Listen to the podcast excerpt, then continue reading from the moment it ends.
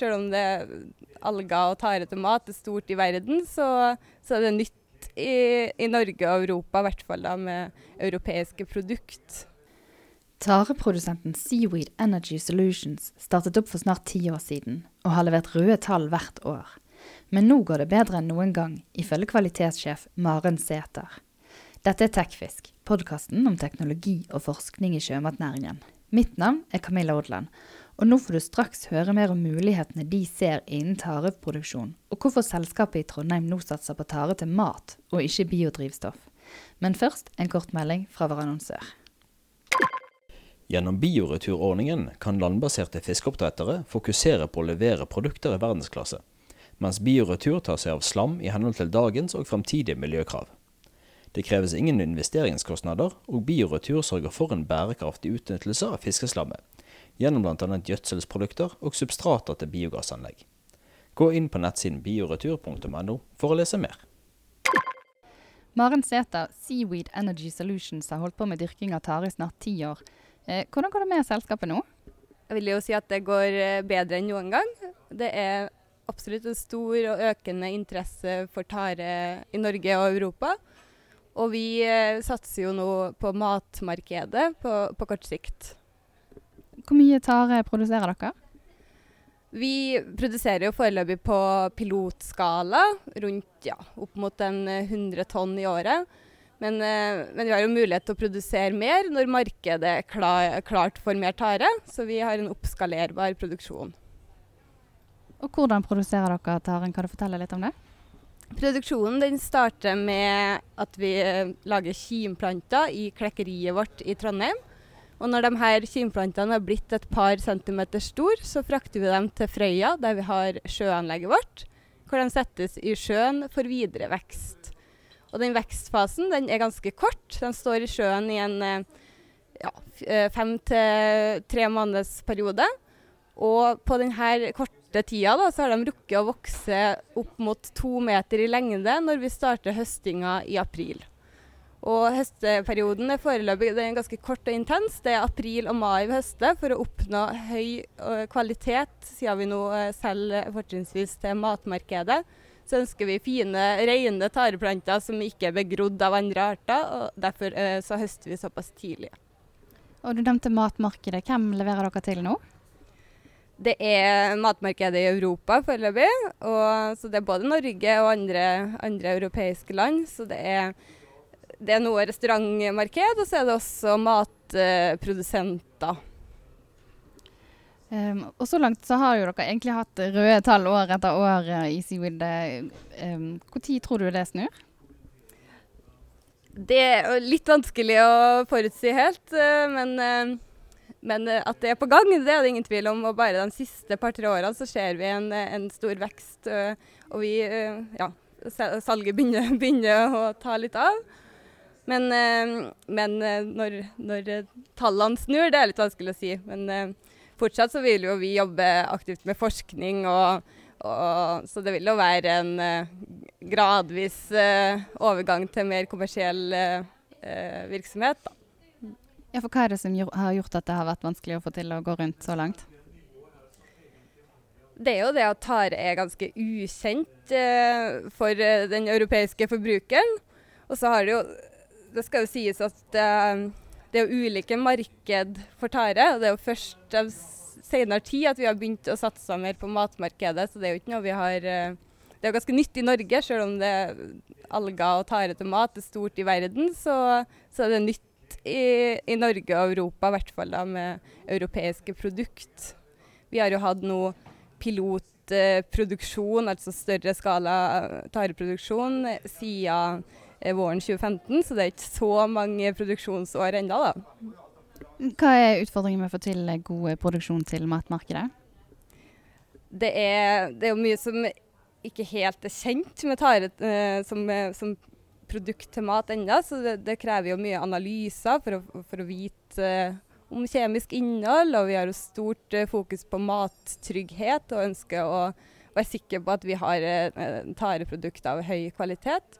Og vi er jo heldige og har et eh, samarbeid med Hitramat, eller vi leier deres eh, eh, prosesseringsanlegg på Hitra, der vi prosesserer og pakker taren vår.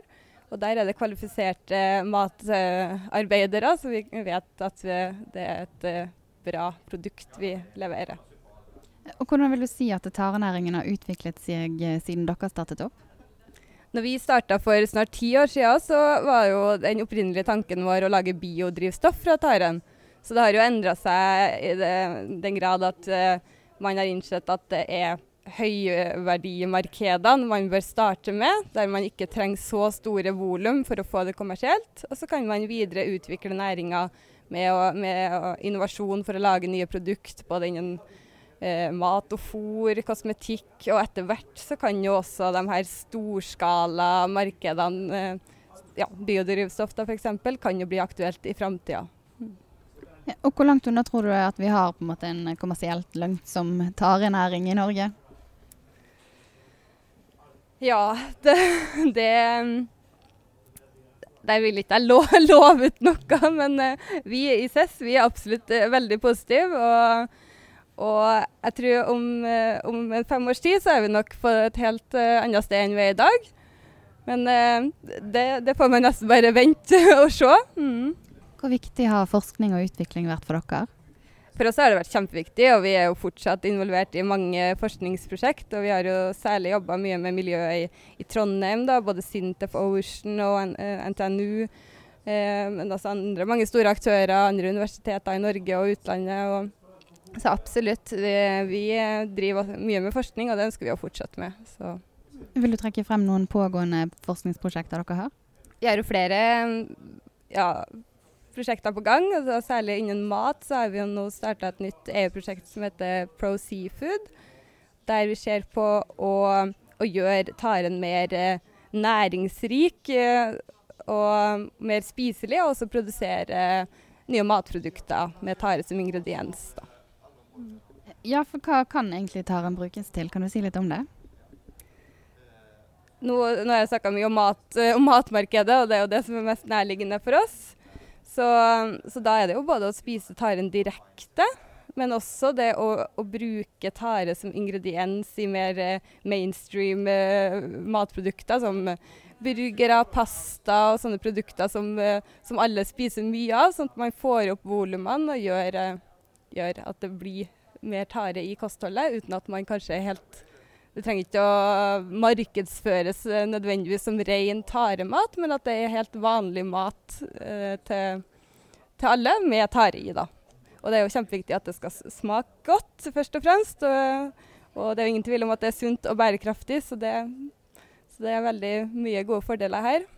Ja, for hva, Hvorfor skal man bruke tare i mat, egentlig? Da vil jeg jo si at uh, det hjelper jo ikke at det er bare sunt hvis det ikke smaker godt. Og tare smaker jo absolutt, absolutt godt. Det har jo mye umami-smak, uh, mye glutamat i tare. Så det passer godt ikke bare til sjømat, men også kjøtt. Men uh, særlig også vegetarmarkedet er jo veldig aktuelt her. Og, og, det at tare er en bærekraftig, bærekraftig mat, det er jo kjempeviktig. Det krever jo ingen tilsetning av fôr, gjødsel. Det er kun uh, sollys og sjøvann som skal til for at taren skal vokse, og det er jo kjempebra. Det de siste årene så har det blitt mange flere tareprodusenter. Lerøy satser nå og har egne produkter, og mange små aktører prøver seg. Hva betyr det for dere? Nei, det, det, er veldig bra for, for vekst av næringa i Norge at det kommer flere aktører. Og det er et godt samarbeid blant taredyrkerne i Norge. Vi har jo en egen eh, forening for taredyrkerne, så, så det, ser vi bare på som en, eh, som en fordel. Hvilke planer har dere nå fremover i SES? Det er å fortsette å fokusere på å, å dyrke tare av høy kvalitet, og så oppskalere produksjonen i takt med at markedet begynner å komme etter nå. Og ja, fortsette fortsett på det. Jobber Jobbe med å få frem et marked? Absolutt. Markedsbiten eh, jobber vi også mye med. Og, så det har vi egne folk som, som hjelper oss med. Og, men, eh, men, det kan ikke vi gjøre alene. Vi er avhengig av at det kommer flere aktører til på, på markedssida. For, for, som du sier, så er det jo mange som ønsker å dyrke tare, og det har blitt gitt mange nye dyrkningskonsesjoner.